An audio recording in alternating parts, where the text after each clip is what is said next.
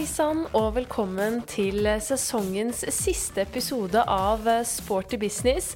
Det har virkelig vært en glede å få kunne dele nok en sesong eh, sammen med dere, og jeg håper at du allerede gleder deg til en ny høstsesong med spennende gjester. Jeg heter Eva Katrine, og vi i Inspartum vi jobber jo for å gi alle dere i treningsbransjen verdens beste bransje, den beste podden der dere kan hente inspirasjon, kunnskap og faglig påfyll til deres hverdag, som kan hjelpe dere til å lykkes enda litt bedre og bare få den der deilige boosten inn på øret. Vi håper at vi lykkes, og har du innspill eller ønsker til gjester og tema for eh, høstsesongen, så er det nå det gjelder å sende det inn. Det tar vi veldig gjerne imot, så send til oss på Instagram at sportybusinesspodkast, eller ta kontakt i Facebook-gruppen Sporty Business. Eller så går det selvfølgelig altså også an å sende meg en mail direkte på evakatrine at inspartum.no. Nå begynner vi jo å runde av eh, et semester og går inn i roligere sommermåneder, og spesielt gjelder jo det for oss som er i treningsbransjen. Juli måned, det er eh, veldig rolig på sentrene. Så nå tenker jeg at nå er det bare å utnytte sommeren, lade opp batteriene og være klare til å kicke i gang treningshøsten 2022. Selv så skal jeg ta en lang og deilig sommerferie i juli, og det kjenner jeg at blir ekstra godt etter to beinharde og tøffe år. Og så ser jeg også virkelig frem til høsten. For da skjer det masse gøy på treningsfronten. Kalenderen er fullbooket. Og først ut så kan vi jo alle glede oss til ShapeUp Convention på Atletica Domus 27. Eh, august, og der håper jeg at jeg ser mange av dere. Videre så arrangeres jo Tren-seminaret endelig fysisk igjen på Gardermoen 29. til 30. september, med masse gøy for oss som jobber i bransjen. Og så vet jeg at det også blir en ny NIH-convention i oktober, så bare stay tuned. Så her er det masse å glede seg til. Så jeg håper at vi sees på flere arenaer gjennom eh, høsten. Vi i Inspartum jobber også med noen spennende planer som jeg håper at jeg kan røpe for dere når vi er tilbake med podden i eh, august. I tillegg så har jo vi grunnutdanning for instruktører gjennom høsten og en rekke påbygningskurs, så er du interessert i det, sjekk ut inspartum.no på nett, og så finner du all informasjon der. Men i dag så skal vi runde av med en eh, episode som jeg tenker passer ekstra godt nå inn i sommeren. For temaet er nemlig løping, løpetimer og kondisjonstrening. Og her kan du som eh, instruktør hente masse nyttige råd for forberedelse av timene dine for høsten 2022, i tillegg til å få masse råd og tips til egentreningen. På besøk så har jeg Melina Magulas, idrettsfysiolog og fysisk trener, og med en genuin lidenskap for løping og kondisjonstrening, så gir hun deg nå en grundig innføring i emnet, og ikke minst svare på mange av de spørsmålene som vi som trenere og instruktører kanskje lurer på når vi skal designe våre løpetimer. Hjertelig velkommen til Sporty Business eh, podkast, eh, Melina. Det er veldig hyggelig å endelig ha deg på besøk i podden. Tusen hjertelig takk, Eva Katrine. Det er selvfølgelig veldig gøy å bli spurt, så det, det, var ikke tvil hos meg når, jeg fikk forespørselen, og det, det ville jeg veldig gjerne være med på. Det er veldig hyggelig å høre. Det er jo så mange flinke folk i denne bransjen, og du er jo en av dem. Og du er også faktisk en som flere har nevnt, med tanke på ah. hvem de ønsker å høre i poden. Så jeg vet at det er mange som gleder seg nå. Det er hyggelig. Så vi skal jo dypdykke litt mer ned i egentlig altså løpetrening, løpetimer, kondisjonstrening, som eh, er bl.a. en av dine store lidenskaper i dag. Men for de som ikke kjenner så godt til eh, hvem du er, kan du ikke gi en sånn kort, liten eh, introduksjon av deg selv? Ja, da skal jeg virkelig prøve å holde det kort, for jeg har mange hatter. Men eh, jeg har eh, min faglige bakgrunn fra, fra samme sted som, som, deg, Norges idrettshøgskole.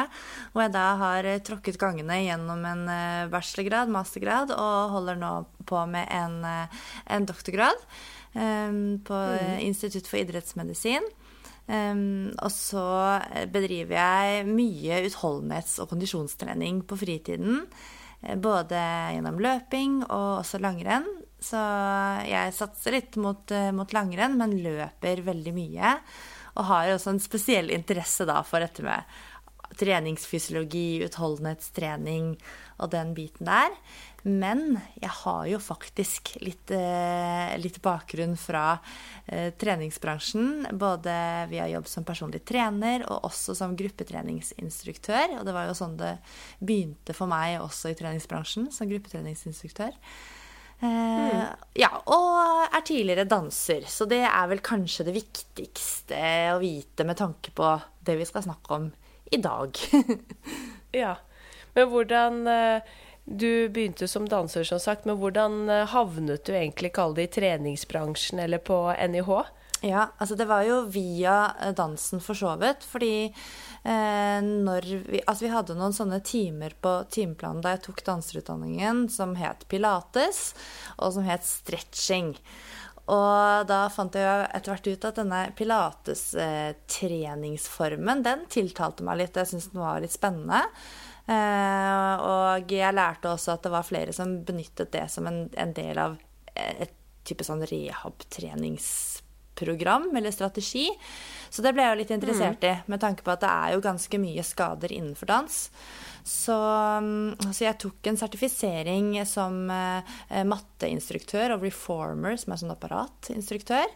Um, ja. Via Pilates Room, eller The Room, da i et, eh, i et eh, system som heter Stott Pilates, og begynte egentlig ganske raskt å jobbe som pilatesinstruktør og hadde masse, masse gruppetimer. Eh, både mattetimer og reformertimer. Og så underviste jeg også en del stretchingtimer. Og jeg har jo også undervist dans, uten at jeg har noe pedagogisk bakgrunn sånn rent formelt innenfor dans, men sånn er det av og til. um, så, så, og via den pilates-biten, da, så kom jeg på en måte Da fikk jeg tatt, satt en fot fra kunstverden og over i treningssenterbransjen.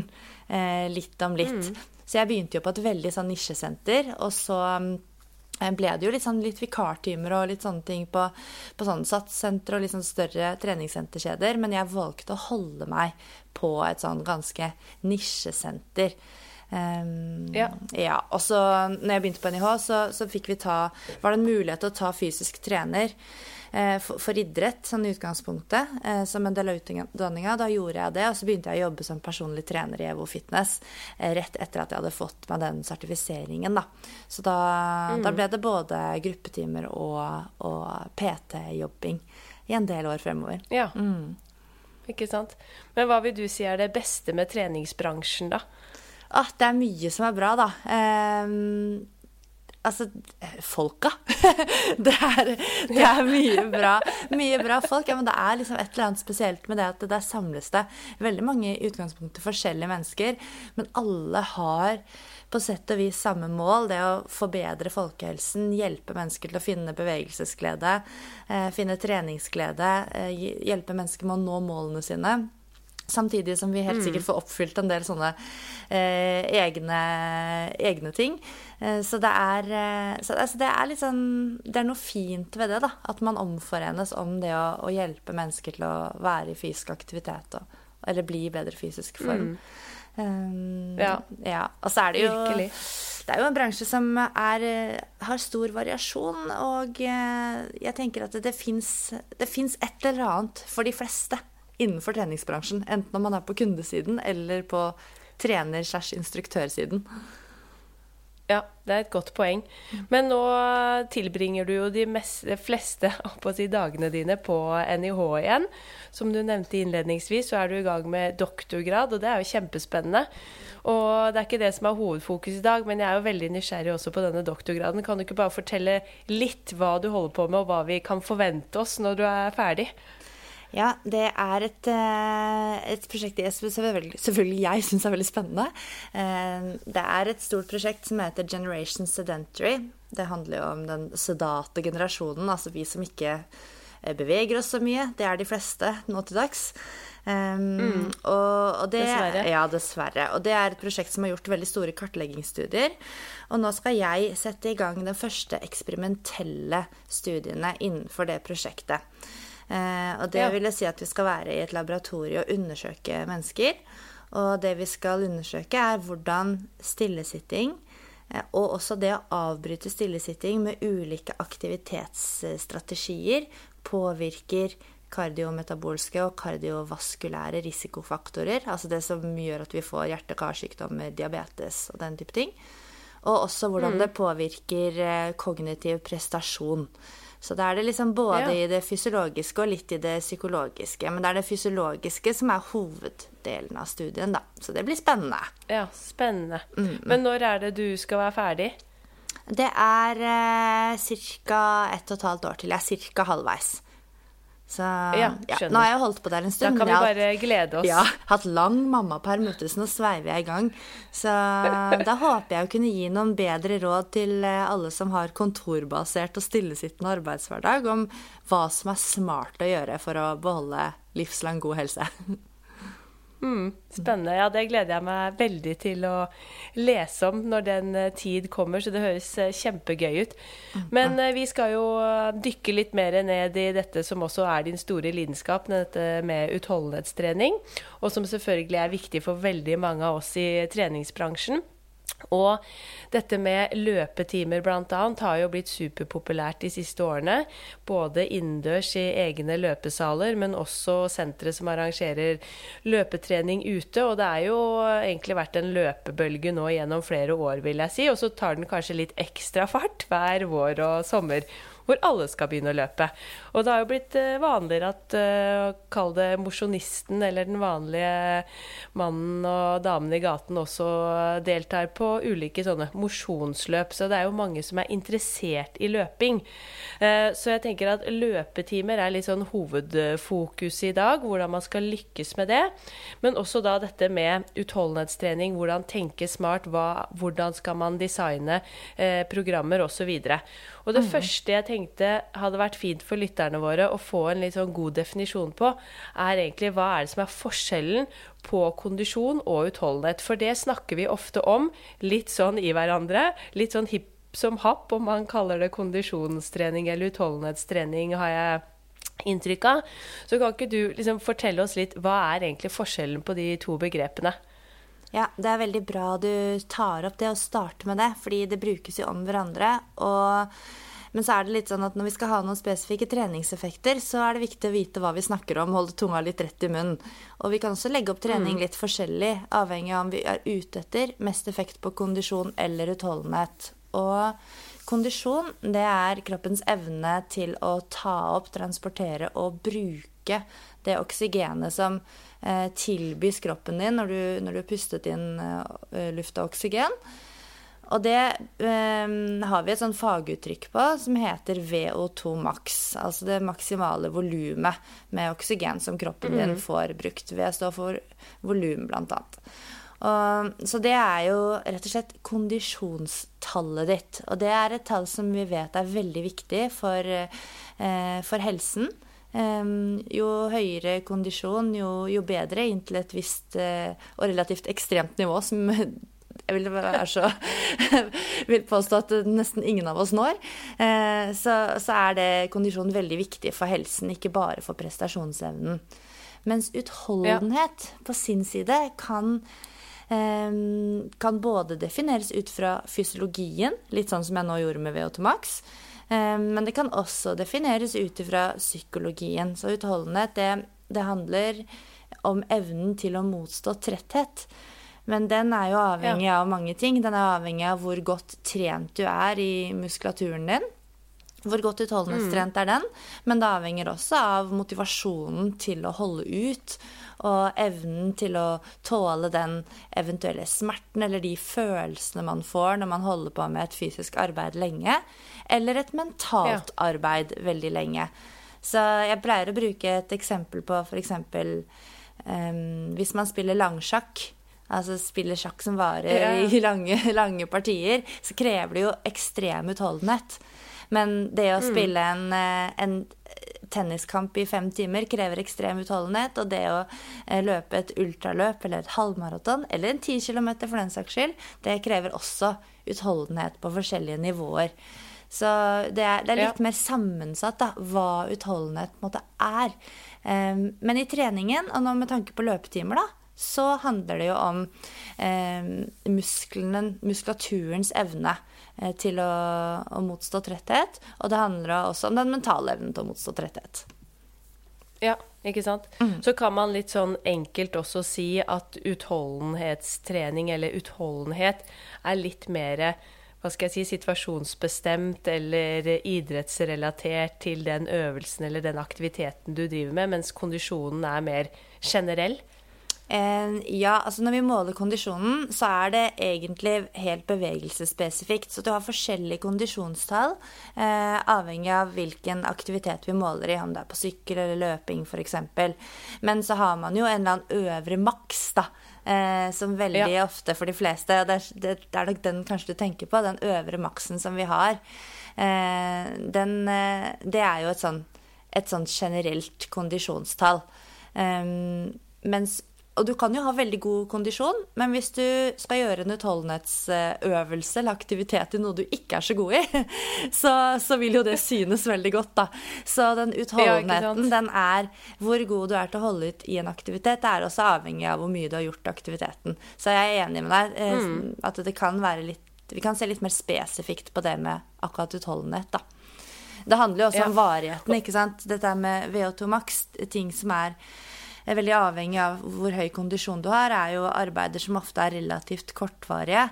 F.eks. det å skulle arbeide alt du kan i 10-15 minutter. Det er veldig avhengig av hvor god kondisjon du har, hvor godt du vil prestere der. Men når det begynner å vare ja. enda lenger enn det, så, så, vil utholdenheten og musklenes evne til å eh, ta imot det oksygenet som blir tilbudt, vil jo det bli mye mer eh, aktuelt, da. Mm, ikke sant. Mm. Men det er jo nettopp dette som også er litt sånn utfordrende for oss som mm, jobber som instruktører eller PT-er i treningsbransjen, å klare å forklare på en enkel måte og formidle det på en god måte til alle de vi møter. Og det er jo nettopp dette som er litt vanskelig. Og når du er inne på dette med VO2 max, og da som du sier en øvre grense i forhold til kondisjonstallet vårt, eh, så er det jo også mange deltakere som jeg opplever som tror at f.eks. da makspuls er en indikasjon på også da god form, f.eks. Mm -hmm. eh, men hvordan kan man forklare forskjellen på da makspuls og VO2 max, som mange også kanskje eh, blander litt på en enkel og god måte? Det er veldig vanlig å blande de. Det er to helt forskjellige ting. Eh, makspuls det handler om hvor mange slag hjertet ditt klarer å slå maksimalt i løpet av et minutt. Og det har ingenting med den fysiske formen å gjøre, det makstallet. Det er genetisk betinget, og, den, og makspulsen som du er født med, den synker i gjennomsnitt med ja, under et slag i løpet av et år. Så det er, det er på en måte ikke ja. noe du har kontroll over, denne makspulsen. Og den er ikke trenbar. Mens VO2 max den er ca. 50% genetisk betinget. Dvs. Si at den er 50% trenbar. Og det er jo det er da såpass mye, ja? Ja, ja. Så det er, masse, det er så positivt. Det er liksom, du kan gjøre noe med det.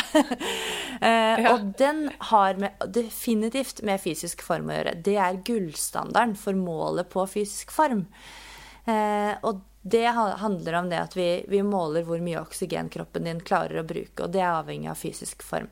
Og så er begge relatert til hjertet, og det er derfor jeg tror mange kanskje blander det litt. Fordi hjertets pumpekapasitet, det handler om det, det er Eller eh, påvirker VO2 max. Men det handler ikke om hvor mm. mange slag hjertet ditt kan slå, sånn som eh, med makspulsen, men det handler om selve kraften i hjertet.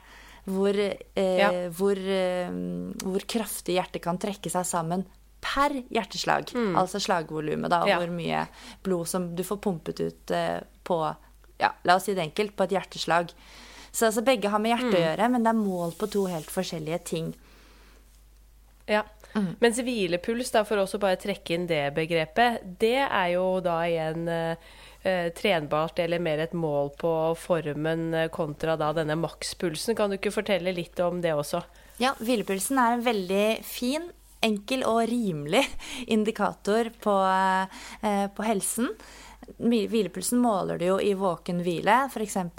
når du våkner tidlig på morgenen, at du ligger i sengen og, og, måler antall slag i løpet av et minutt, enten på en pulsklokke eller du kan måle på, på pulsåren og telle. Eh, og hvilepulsen, den Altså generelt sett kan vi si at jo bedre kondisjon og utholdenhet, for det har litt med begge deler å gjøre, men kanskje mest kondisjon. Mm. Bedre kondisjon du får, desto lavere er hvilepulsen. Og så er ikke det en sånn helt lineær sammenheng. At uh, så og så mange Så og så mye høyere kondis, jo så og så mye lavere hvilepuls. Uh, men den blir generelt litt lavere. Og det som mm. er um, Hvis man har en generelt veldig høy hvilepuls over lang tid, så er jo det en større belastning på hjertet enn man ellers skulle ønske. Så det å ha en relativt lav hvilepuls, det, det er en belastning spart på hjertet. Eh, ja. Og vi vil jo gjerne ha folk under 70 i hvilepuls. Sånn generelt sett. Det er jo ikke så farlig om man har 70 liksom noen dager her og der, men over tid så, så er det veldig fint å, å, ligge under 70. Så det er noe man kan følge litt ja. med på. Og det er viktig hvis man skal måle dette, å måle over flere dager. Og måle kanskje litt ofte en periode, fordi pulsen er jo bare et øyeblikksbilde. Eh, VO2-maksen ja. er, er, ikke nødvendigvis et øyeblikksbilde. Det sier litt om tingenes tilstand i en periode. Eh, men pulsen den, den påvirkes jo av eh, hva du har trent, og hvor godt du har sovet, og om du har masse å tenke på, og sånne ting. Så hvilepulsen, ja, så hvilepulsen er veldig påvirkelig. Men hvis man måler over noen dager, og måler litt ofte, så tenker jeg at man klarer å få et fint bilde og bli kjent med hvilepulsen sin, da. Mm. Mm. Men når vi da trener f.eks. Eh, løp, eller man er med på en løpetime, så er det jo også da denne VO2 maksen vi ønsker å øke. Eh, og få bedre kondisjon. Men hva er da det optimale med å få til dette på best mulig måte? Altså hvilken intensitet bør man ligge i, og over hvor lang tid, for å få best hjertetrening? Ja, det er et tusenkronersspørsmål, det der, da. Uh, ja. ja. Og, og, det er jo ikke sånn at det finnes én sånn magisk oppskrift på dette her. Det hadde vært veldig fint.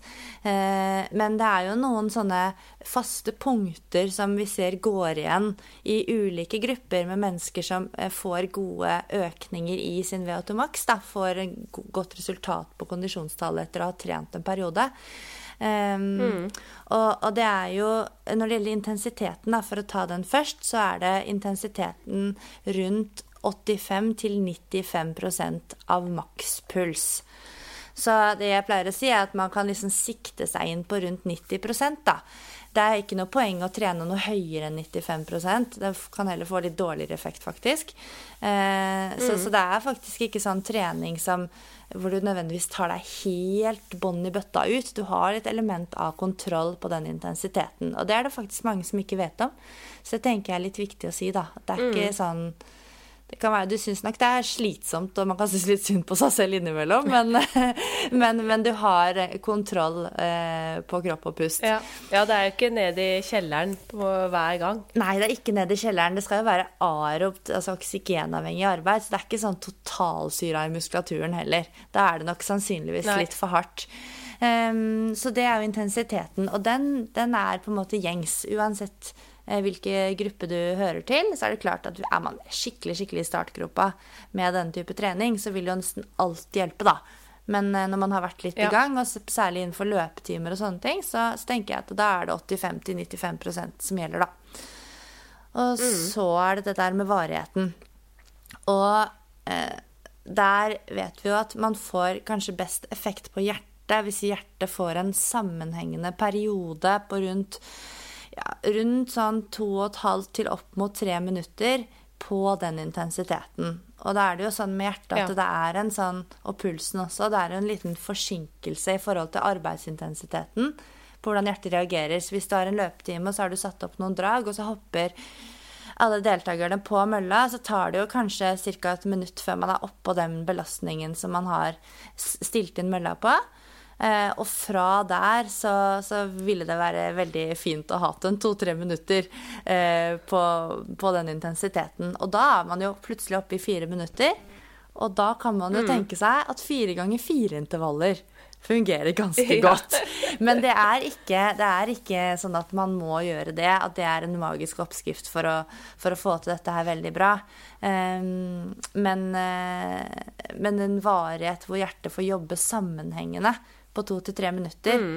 eh, vil, vil, kunne gi god effekt. Og så er jo selve sånn volumet, altså hvor mange ganger skal du ha dette stimuliet, om det er fire ganger fire eller seks ganger fire, bare for å liksom fortsette på det eksempelet, det kommer jo an på hvor godt ja. trent personen er fra før.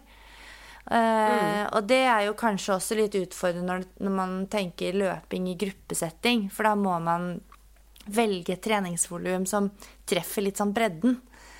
Ehm, men heldigvis så er det jo faktisk sånn at de fleste klarer å få en god effekt over flere måneder og flere år ved å trene et, et volum på rundt 15-25 minutter et eller annet sted der ja. på den mm. intensiteten. Så, og det kan passe ja. ganske bra med at man skal ha en oppvarming og en nedtrapping også på, på en mm. løpetime, da. Ja. Mm. Ja, fire ganger fire har jo blitt litt sånn i gåsetegn gullstandarden på mange måter. Men det er jo Altså, det funker jo bra, men det er jo på ingen Eller som du sier, det er jo absolutt ikke sånn at du må kjøre fire ganger fire-intervaller. Det er jo et hav av muligheter her. Men nettopp det du nevner med den pulsforsinkelsen, tror jeg mange kanskje ikke er helt klar over. Og den er faktisk viktig å ta med i beregningen når du f.eks. da skal kjøre en fire ganger fire-intervall, sånn at du sikrer at eh, deltakeren i hvert fall høyst sannsynlig ligger i riktig intensitet over lang nok tid. Ja, eh, virkelig. Nettopp pga. f.eks. denne pulsforsinkelsen, da. Og det er Men hvis ganske... vi drar eksempel ja. Det, det, er ganske vanlig også at man liksom starter for hardt ut, nettopp av den grunn at man, det første minuttet kjennes så lett. Eh, så man må på en måte beregne det inn, at du må gi kroppen litt tid til å forstå hva i alle dager er det som foregår her. Å ja, det krever denne oksygenleveransen, ja, men da må vi jo kjøre opp adrenalin og eh, hjertepumpa og alt ja. som er. Så, så, det er jo også viktig med tanke på når man skal guide eh, kundene på å stille inn sine individuelle eh, belastninger, da. Men, men ja. selvfølgelig, fire ganger fire var bare et eksempel. Det fins et hav av øktdesign som fungerer kjempegodt. Ja, men for eksempel fire ganger fire, da, eller en annen intervalloppsett det er jo veldig eh, populært på løpetimer, og det gjør det effektivt. Og det kan være veldig sånn motiverende for folk å eh, holde ut når vi jobber intervallbasert. Eh, men hvorfor er det da så viktig at vi ikke slipper deltakerne for langt ned i intensitet i eh, pausen, og hvorfor ber vi de på en måte holde seg kanskje rundt eh, at de i hvert fall ikke dropper lenger ned til 70% da, av makspuls i pausene? Altså hva er de store fordelene med det, kontra at man stopper opp, eller de som hopper ut på siden av båndet eller mølla og står stille før de mm. begynner på'n igjen. Ja, Der er det jo egentlig to forskjellige ting du snakker litt om der. Da. Det ene er den, eh, selve den mm, pulsen som man eventuelt skal ha i pausetiden. Eh, jeg tenker at det ikke er noe sånn poeng at man nødvendigvis må holde pulsen så veldig opp oppe i pausene. Altså Pause skal være nettopp det. Det skal være pause, og pausen er der for muskelrestitusjon, sånn at du kan gjøre det samme mm. arbeidet eh, på nytt igjen. Men det som, som, er viktig på kort sikt når det gjelder denne muskelrestitusjonen, kan jo være det å faktisk holde seg i bevegelse. Og da er det jo ikke uvanlig ja. at pulsen ender opp rundt sånn et eller annet sted mellom eh, 45 eh, og 70% av makspuls. Men det er ikke noe igjen, det er ikke noe ja. sånn magisk med 70% av makspuls i pausetiden. Um, og jeg er veldig opptatt Så du vil heller si at uh, du vil heller si at bevegelse er viktigere enn akkurat hva uh, pulsen ligger på i pausene? Oh yes, 100 ja. um, Og hvordan pulsen oppfører seg i pausene, vil være forskjellig fra person til person. Og hvor fort pulsen faller, vil også være forskjellig fra person til person. Så vi kan ikke si på da, la oss si du har en pause på to minutter, at innen minutt én så skal alle være på 70% av makspuls, f.eks. Um, så det, det er um, Men det er viktig å, å kunne holde kroppen liksom i, i, litt bevegelse, sånn at um, man kanskje unngår den opplevelsen av at man stivner litt til i muskulaturen før man starter på neste drag. Mm. Men det er ikke sånn at ting stopper helt opp bare man står stille. Men ofte så blir opplevelsen av å komme i gang igjen mye bedre. Eh, men restitusjonsprosessen den starter jo med en gang man, man stopper et arbeid. Eh, så begynner jo kroppen ja. å jobbe med å måte gjenopprette eh, alle de jeg kaller det gåseøyne, ubalansene som man setter i gang med, med trening. Um, så, ja. men, men, det er ikke noe sånn Jeg er litt sånn opptatt av det at man ikke skal stresse i pausene. Eh, og det er mange som gjør det, som liksom stresser veldig for å holde pulsen oppe fordi man, pulsen ikke skal synke. Men i alle dager, vi trener jo intervall, uh, så man må jo liksom bare la pulsen falle og slappe av. Hvil i pausen, men hold kroppen, uh, kroppen i gang. Så, så hvis ja. noen forteller deg at du skal holde pulsen oppe, så tenker jeg at da må det være fordi at de ønsker mye mer eh, kontinuerlig arbeid. De ønsker kanskje at ikke intervallene skal være så harde. Men hvis man legger opp til f.eks. fire ganger fire eller relativt tøffe intervaller på rundt 90% av maks, da tenker jeg at det er viktig at man får faktisk eh, hvilt i pausen. Og pulsen den kommer ja. fort opp igjen. Det tar bare ett til ett og et halvt minutt. Ja. Mm. ja. men det er et veldig godt poeng. For jeg tror dette her også er sånn som Kall det blandes litt da, i, i gruppetreningsverden. Nettopp det er det faktisk lagt opp til intervaller som skal være tunge. Og hva er hensikten med det, kontra en trinntime som du ønsker egentlig et mer eh, altså langvarig arbeid, selv om det er lagt opp til Kall det noen små arbeidsperioder eller mm. pulstopper. men der er vi jo også ute etter Det er jo ikke tøffe intervaller som bare varer noen minutter, og så er det pause. Der jobber vi jo mye mer over lang tid. Og der er det jo ofte det at vi ønsker jo ikke at de skal på en måte altså droppe for langt ned i disse pausene, for vi skal ha de i gang hele veien. Så det tror jeg er et veldig godt poeng, og det du sier her, nettopp at man skiller dette med eh, tanke på hva slags time er det man kjører, og hva er faktisk hensikten med innholdet. Ja. Hva ønsker man å oppnå. Der sa du det veldig fint. Bedre enn meg. Og, og hvis man, eh, for å ta et eksempel, har lagt opp til at du skal løpe en intervall som er la oss si 45 sekunder på 15 sekunder av, som også er en eh, populær klassiker, 45-15, så er jo det et mer kontinuerlig arbeid. Da vil, jo, vil jo pulsen naturlig holde seg oppe, for det er bare 15 sekunder pause. Men hvis du f.eks. Mm. legger opp 45-15 i La oss si at du gjør ti drag, og så har du to til tre minutter pause mellom og gjør ti drag til, da er det også sånn at man tillater at pulsen faller så mye som den naturlig bare gjør, ved at man går eller trippejogger helt rolig i den, i den litt lengre seriepausen. Og formålet ja. med å faktisk eh, la kroppen få komme godt ned eh, i, i, intensitet i, i, pausen, er nettopp dette med restitusjonen. Og gjør du det, så klarer jo deltakerne å gjøre et enten enda større eller et like stort arbeid. Altså arbeide på høyere eller like stor belastning som forrige drag. Alternativt så kan det jo være mm. at hvis man må styre med å holde pulsen oppe, og at man jobber liksom jobber en del i pausen også, så vil jo arbeidet i selve intervallet bli mindre. Og selve arbeidet du gjør, altså belastningen du arbeider på, det blir jo som vektene vi løfter på styrketrening. Det har jo også betydning ja. for fremgang, for økt prestasjonsevne. Derfor så tenker jeg også at det, det er viktig å, å skille på hva, hva, du ønsker, da. Eh, går vi nå for det mer mm. kontinuerlige arbeidet, eh, med litt sånn, som du sier, liksom pulsen opp, litt opp og litt ned? i et slags intervallpreg, eller går vi for, eh, for mer sånn av og på? og at stort arbeid når det først skal jobbes. Mm. Ja, er veldig godt poeng. Det tror jeg det er viktig å, å ta med seg. Men uh, alle disse vi møter da på spesielt løpetimer, uh, f.eks. i i treningsbransjen så opplever jeg at det er mange som er veldig glad, til, glad, i å løpe, og så er det det de gjør. Uh, og mange tror jo fortsatt også kanskje at dette da med styrketrening ikke er helt hensiktsmessig når du løper. Eh, hva tenker du at vi instruktører kan si eller gjøre for å kalle det gåstein avlive denne myten og motivere de til å faktisk trene prestasjonsfremmende og skadeforebyggende styrketrening? Ja, det er kanskje der du sa det nesten selv der, da. Det å ha fokus på at eh, styrketrening er prestasjonsfremmende. Du kan bli en mer effektiv løper ved å være litt sterkere i muskulaturen fordi du får en bedre arbeidsøkonomi. Eh, at du bruker kanskje litt mindre oksygen på en gitt belastning enn du gjorde før fordi du er litt sterkere. Um, og har eh, bedre forhold for å utvikle kraft gjennom muskel-senesystemet ditt fordi du har trent styrke. Det vet vi at det mm. fungerer. Um, det er hevet over enhver tvil. Og i tillegg så er jo løping det er jo en av de tøffeste liksom, tingene, eller sånn hardeste aktivitetene man kan, kan gjøre sånn rent strukturelt for kroppen. Det er tre til syv ganger kroppsvekt gjennom strukturene hver gang du lander. Så det er ganske mye belastning. Og, og, det, og jeg vet at det med skadeforebyggende Bare man sier skade, ordet skadeforebygging, så er du liksom mista folk nesten der. For det høres litt sånn snork og kjedelig ut.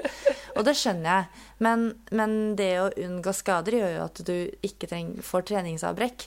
Og ergo mm. vil det være også prestasjonsfremmende på den måten, for det hjelper deg til å opprettholde kontinuitet. Så jeg vil nesten gå så langt som å si at alle som løper, bør trene styrke. Ferdig snakka.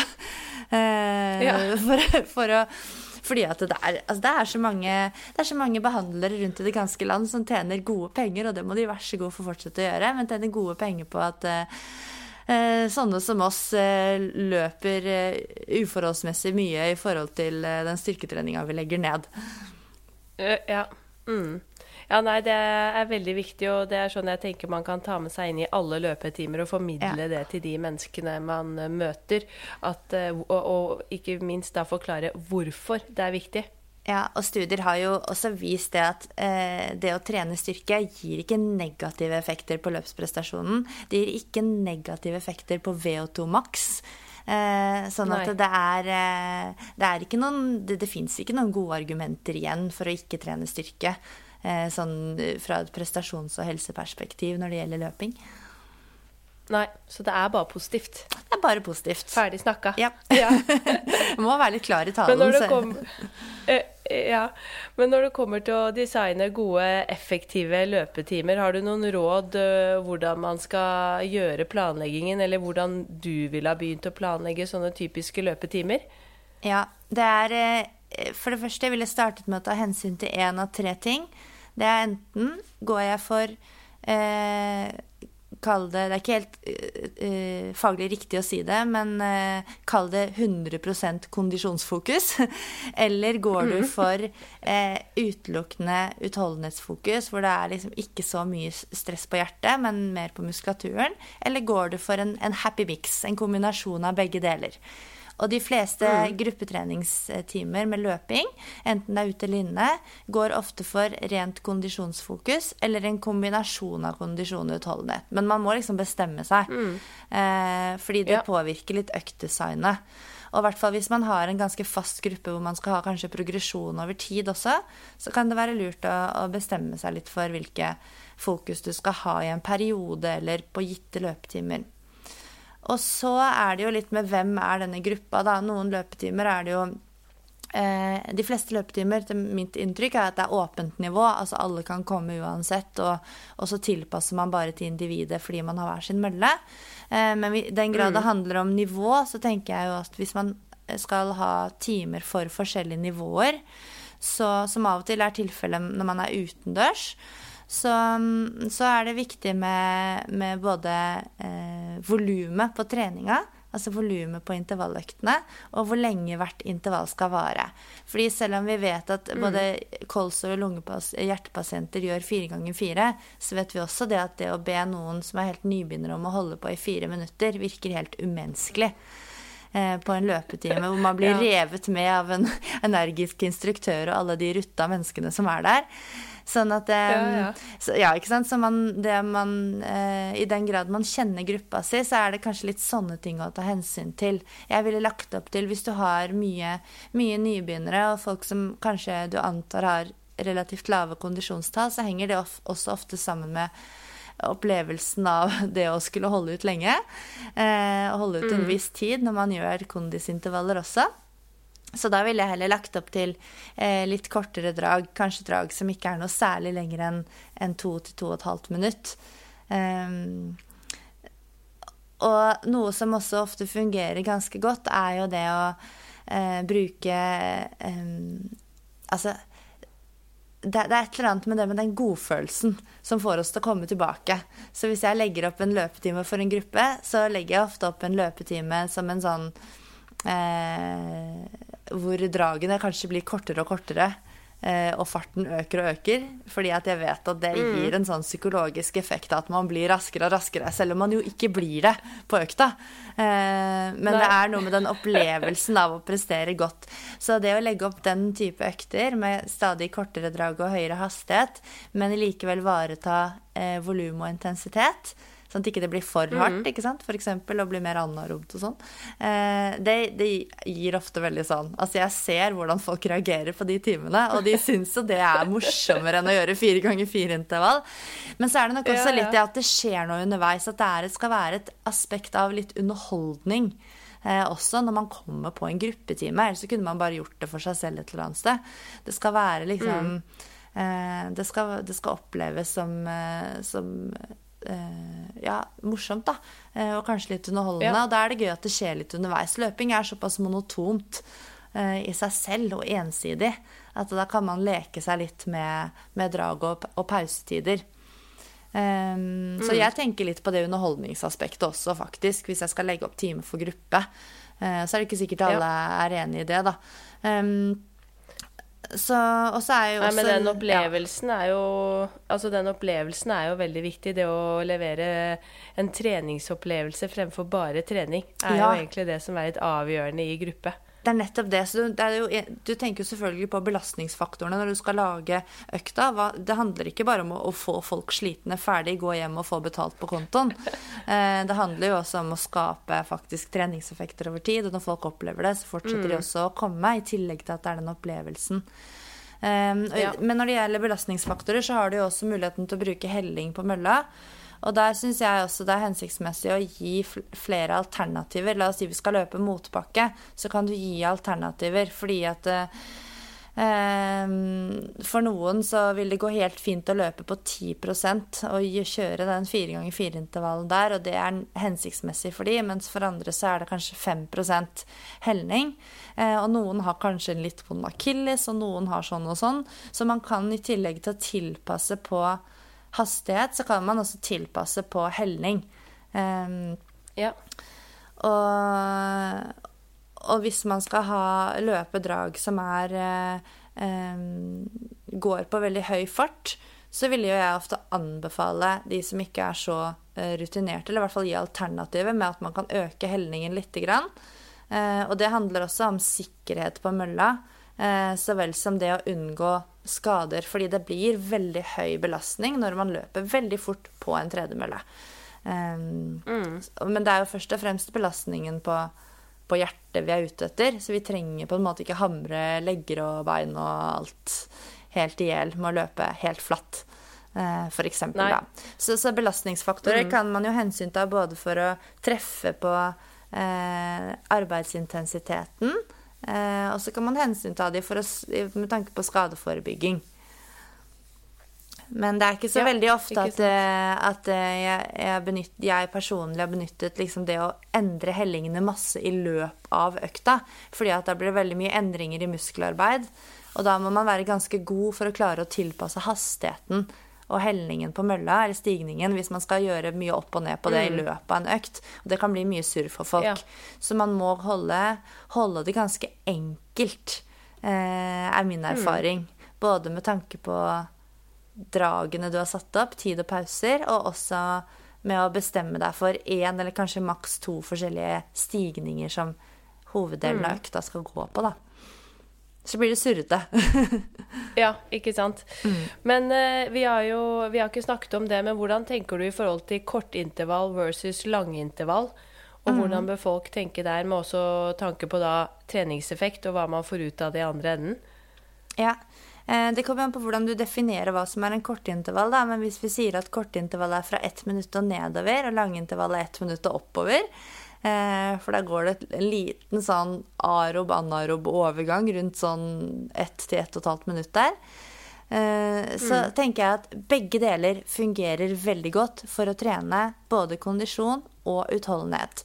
Det du girer, girer det med, om det er mer mot ren VO2 max-trening eller mer mot utholdenhetslandskapet, det gjør du med antall drag og med pauselengder.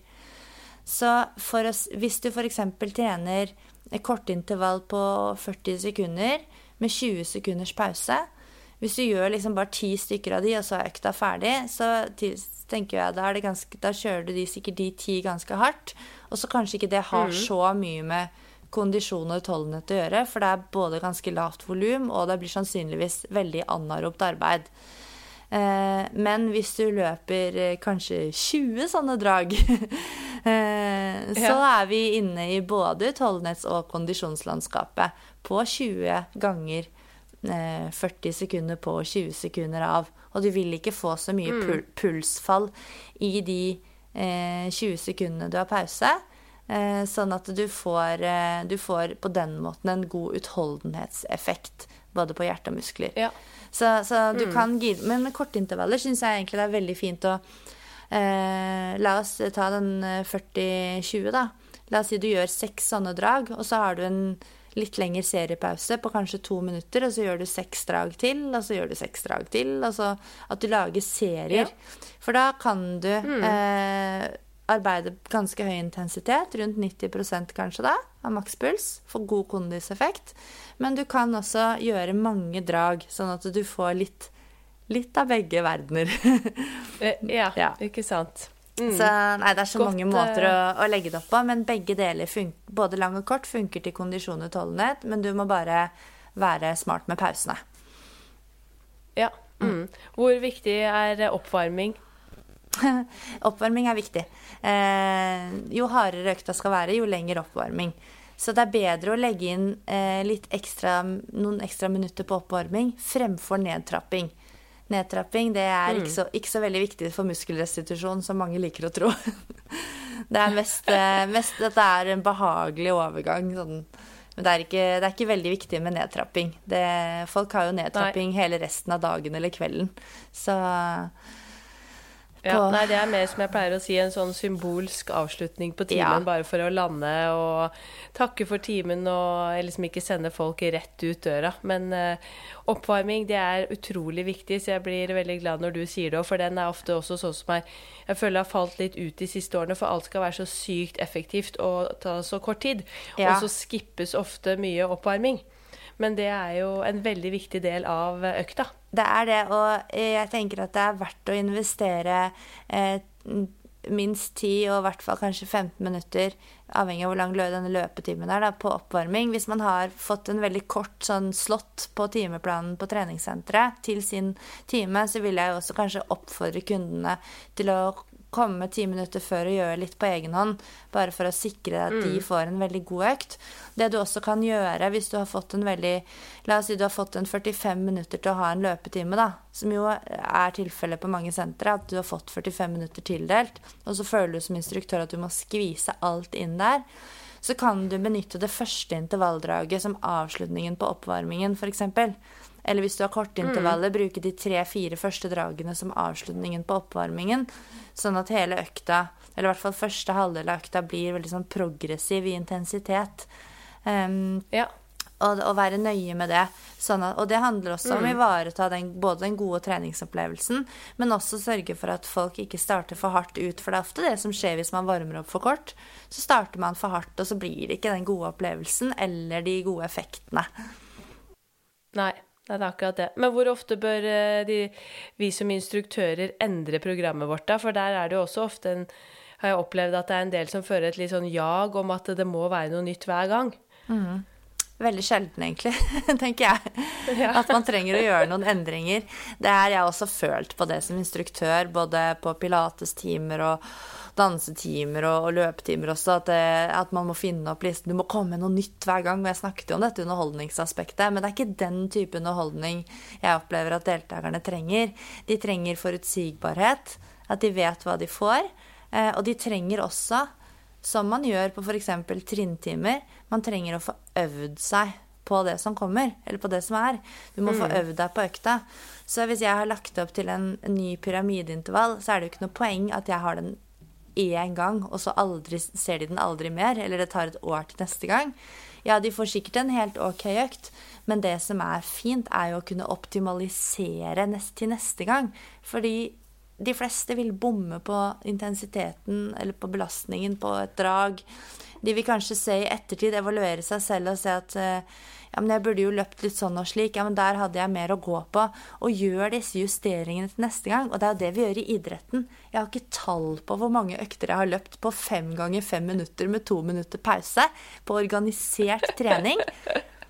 Det er så mm. mange det, at det klarer jeg ikke telle opp. Sånn at det, og det er det er ikke sånn at vi må ha masse variasjon. Du kan variere med Altså variasjonen kan nettopp bli for kunden det at du gjorde en justering til neste gang. At du ble bedre på å peise deg selv. Du ble bedre på å distribuere kreftene dine. Eh, du kanskje økte hastigheten med 0,2 km i timen på hvert drag fordi du kjenner økta, og det er en læringseffekt der. Så jeg tenker ja. at man, man, eh, kan godt liksom dysse ned dette prestasjonspresset på instruktøren om å skulle finne opp kruttet på nytt. Altså. Heller ha en time, og så ha den kanskje en måned, da.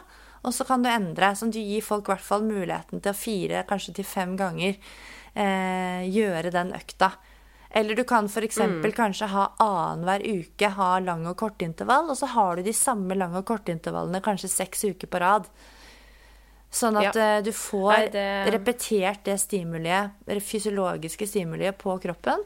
Og da kan vi forvente også Det er lettere å, å si noe om hva man kan forvente av treningseffekt òg, da. Ja, ja, det er kjempeviktig å formidle det til deltakerne, så de forstår at det faktisk er hensiktsmessig å gjøre det samme over tid. At det ikke må være noe nytt eh, hver gang. Og vi sier jo ofte sånn i i gruppetreningssalen så er det ofte en sånn gyllen regel med seks til åtte uker, men der kan man jo også gjerne holde samme program enda lenger, litt avhengig av hva slags uh, time det er. Mm. Og det tenker jeg er samme på løping. Du kan jo fint ha det samme da, programmet i seks uker og bytte, eller som du sier da, alternere mellom to over en lengre periode. Og som instruktør så blir du også bedre for hver gang du kjører det samme programmet med tanke på cueing, eh, teknikk, alt det andre du vil formidle i forbindelse med det programmet du har laget osv. Så, videre. så det er jo veldig mange gode eh, ting ved å kjøre det samme programmet over lengre tid. Ja, og som instruktør så du får jo på en måte et overskudd når du, når du, kjenner økta godt, og du, du har sett eh, deltakerne dine gjennomføre økta, da har du også kanskje plukket opp ting hvor du kan gi, hvis, hvis eh, det er et klima for det, da, gi individuelle tilbakemeldinger underveis. Du kan ha forskjellige, forskjellige mentale og fysiske fokus, forskjellige arbeidsoppgaver fra økt til økt, selv om du har det samme mm. øktdesignet. Så det er masse muligheter for å variere selv om økta er lik. Men det gir deltakerne en veldig trygghet, og det gir de også muligheten muligheten til å selv oppleve at de blir bedre. Mm, og den mestringsfølelsen er jo helt også avgjørende for at de skal komme tilbake igjen og igjen. Men eh, med tanke på formidling og queuing underveis, det er jo veldig mange som selv løper med pulsklokke og pulsbelte, og er ganske sånn inn i, kall det den verdenen. Men så er det jo mange som ikke har noe forhold til teknologiske verktøy. Hvor viktig vil du si at det er for en instruktør å kunne kue på subjektiv opplevd anstrengelse underveis i sånne løpetimer, i tillegg til å eventuelt følge med på puls på en klokke? Jeg tenker det er kjempeviktig. Jeg tenker det faktisk er viktigere enn å kunne nesten guide på pulsklokka. Eh, fordi ja. at, og nettopp fordi at puls er en såpass eh, variabel parameter som er styrt av det autonome nervesystemet. Vi rår ikke alltid over hvordan pulsen vår reagerer, selv ikke på ulike arbeidsbelastninger, for det er så mange ting som kan spille inn på pulsen. Ehm, jeg tenker at Det er veldig viktig selvfølgelig å kunne gi gode råd om hvilken intensitet man skal ligge på ut fra prosent av makspuls, ehm, men ikke noe sånn utover det egentlig. Um, og, og, det er også, også ganske frustrerende f.eks. hvis du har en dagsform som er sånn den dagen at instruktøren liksom på død og liv skal pushe deg opp mellom 90 og 95% av makspuls, men det vil seg liksom ikke for deg den dagen, og du ligger og vaker på 85-87% og syns det er tungt nok, og syns du er høyt oppe på en subjektiv skala, da er det veldig frustrerende mm. hvis pulsen får veldig mye fokus. Og det betyr ikke at du har hatt en dårlig treningsøkt, selv om ikke du klarte å treffe på akkurat det eh, pulstallet som kanskje instruktøren var veldig opptatt av akkurat da. Men det kan jo gi inntrykk mm. av det.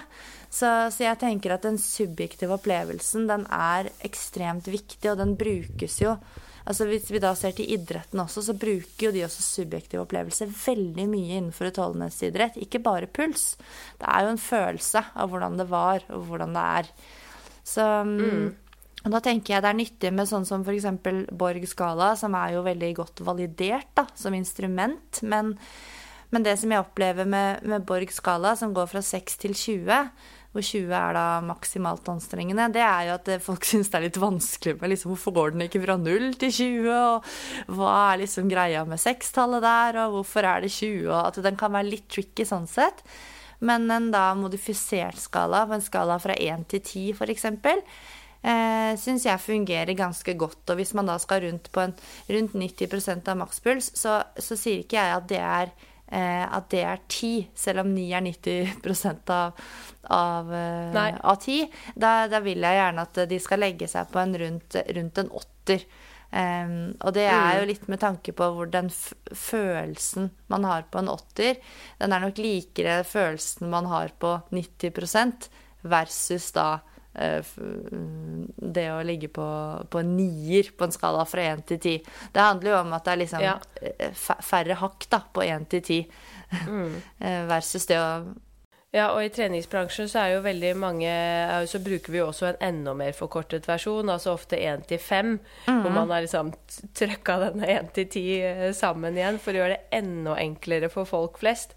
Og ikke ha så mange kall det trappetrinn å forholde seg til. Ja. Eh, og så bruker vi jo ofte farver, ikke sant. Og det er jo enklere for veldig mange å forholde seg til en farve som trigger en følelse, eh, og så kan man relatere seg til det, fremfor det å bli forlåst i da klokka, som også, som du sier, da ikke nødvendigvis egentlig gir et bilde på hvordan formen er akkurat i dag.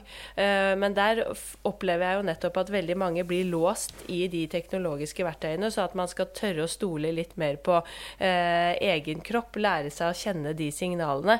For man kan trene veldig god kondisjonstrening kun kun basert på den subjektive følelsen, når man også blir kjent med den etter hvert, og ja, kunne absolutt. styre det på det. Ja, 100 Og det er eh, det der med skala fra 1 til 5, det passer jo veldig fint med Olympiatoppens intensitetsskala, som vi faktisk bruker innenfor utholdenhets- og kondisjonstrening. Da. Så den passer jo egentlig perfekt ja. med, med, løpetimer. Og det er jo ofte, når man ser på den, den, skalaen, hvis noen har lyst til å, google den eller kjenner til den, så er det jo den røde sone. Det er jo ikke sant, det er jo sone 5. Det er jo eh, beinhardt. Ja. Og så har du den litt mer sånn rød-oransje, som er sone 4. Men, eh, og det er jo der vi skal gjøre meste mesteparten av kondisjonstreninga i den der sone fire. Og, ja. og, sånn at det, ja, de er veldig fine. At, si, ja, og jeg pleier ofte å si at man kan se for seg at man har litt sånne små trappetrinn innad i hver sone også, ikke sant? så du kan jo liksom ligge i øvre del av da oransje sone eller sone fire kontra Den er litt forskjellig om du er akkurat liksom kommet deg opp i sone fire fra sone tre, som er uh, anstrengende. Så eh, det å bruke den aktivt underveis i timer, det er kjempeviktig. For veldig få av de som er med, har, altså de har ikke et godt kjennskap til intensitet, eller hvordan det faktisk skal kjennes ut i kroppen. Sånn at uh, man opplyser og lærer dem også til å bli litt uh, bedre kjent da, mm. med kroppen sin underveis i sånne timer. Det jeg tror er jo at man må som instruktør, du må velge deg ett system og så må du holde deg til det. Eh, jeg likte jo veldig godt den 1-5 med farger som du var inne på, og også bruke trappetrinn innad der, fordi høyere sjikt og lavere sjikt av en gitt intensitetssone eller en gitt farge, det opple kan oppleves veldig forskjellig, sånn at du lærer deltakerne å nyansere, men i hvert fall holde seg til sånn ett system. Uh, og jo mm. mer en person bruker det samme systemet, jo mer valid blir det, da. Um, ja. Sånn at man ikke en dag bruker fra en skala fra én til ti, og så en annen dag så er det farger, liksom. Men at du har din faste ja. greie. Mm. Mm, absolutt. Vi skal begynne å runde av, for du skal løpe videre til uh, Var det masterveiledning? Er, nå er det eksamenstid, så da skal jeg være sensor på mastereksamen. Så ja, da er det jo sensor, sikkert uh, litt, nervøs, litt nervøs stemning der, da. ja, det blir spennende. Men har du noen avsluttende ord som du tenker er nyttige for løpeinstruktører å ta med seg? Et siste godt tips på veien? Åh, det er eh, Jeg tenker at vi har sagt vært inne på veldig mye av det som er liksom de viktigste tingene, da.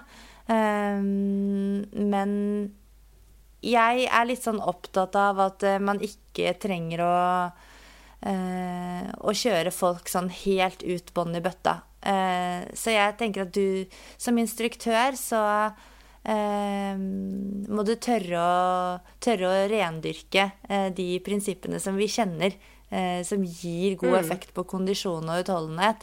Og det er liksom det er ikke noe høyere enn 95% Og jeg vet at det er noen Nei. konsepter, eh, eh, kanskje spesielt her i Oslo, men også ellers i landet òg, hvor det er liksom veldig sånn Nå gir vi alt, og vi skal ta i alt vi har. Men det hører ikke egentlig noen steds hjemme på en time som ønsker å stimulere til bedre kondisjon og utholdenhet. Så, så Nei, det, å, det, det, ja, det, å tørre være ordentlig eh, konsekvent på arbeid med intensitet, det er kanskje det beste rådet ja. jeg har. ja, det er godt å høre, og det vil jo for veldig mange være mer overkommelig og mer motiverende å ikke måtte, som sagt, gå i kjelleren hver eh, eneste gang. Mm. Men helt på tampen, har du noen tips om hvem du selv også kunne tenke å høre deg høre her i eh, Sporty Business, da? Ja, altså hvis du ikke har hatt denne dama på besøk ennå, så tenker jeg det ville være interessant å høre fra en som heter Mette Pettersen Moe. Eh, og hun eh, er en eh, veldig dyktig coach eh, for både mosjonister, supermosjonister og i det hele tatt. Det handler jo ikke om gruppetrening som sådan, men eh, hun har noen veldig gode eh, prinsipper for hvordan hun jobber som trener, som jeg tenker at veldig mange hadde hatt eh, nyttig å høre. Nyttig å høre. Og fantastisk ja, bra dame. Ja. Kjempegodt tips. Tusen mm. hjertelig takk. Og tusen takk for en utrolig lærerik eh, episode. Jeg tror du må komme tilbake i poden eh, senere også, for her er det jo et hav man kan virkelig dypdykke ned i. Men dette har vært kjempelærerikt, og jeg tror veldig mange av lytterne våre kommer til å sette stor pris på dette. Så tusen hjertelig takk for at du tok deg tid i en eh, travel periode frem mot sommeren. Og så må du ha lykke til som sensor etterpå. Tusen takk. Det var kjempemorsomt, det her. Tusen hjertelig takk for at du har holdt eh, følge gjennom sesongen. Jeg gleder meg allerede til vi er tilbake med Sporty business 9.8. I mellomtiden så anbefaler jeg deg å også bla tilbake i arkivet. Vi har jo nå faktisk gitt ut over 50 episoder av Sporty business, så der er det nok å ta av. Så kanskje du kan finne litt ekstra påfyll gjennom sommeren om du ikke har hørt alle episodene. Det er virkelig tema som dekker alle alle områder. Så sjekk gjerne tilbake i arkivet. Vi har jo holdt på siden 2020, eh, så noen episoder har det blitt, og veldig mange dyktige folk har vært på besøk. Jeg ønsker deg en super digg og skikkelig sporty sommer, og så poddes vi igjen 9.8. Ha det bra. Denne podkasten produseres av Inspartum Akademi og North Stories.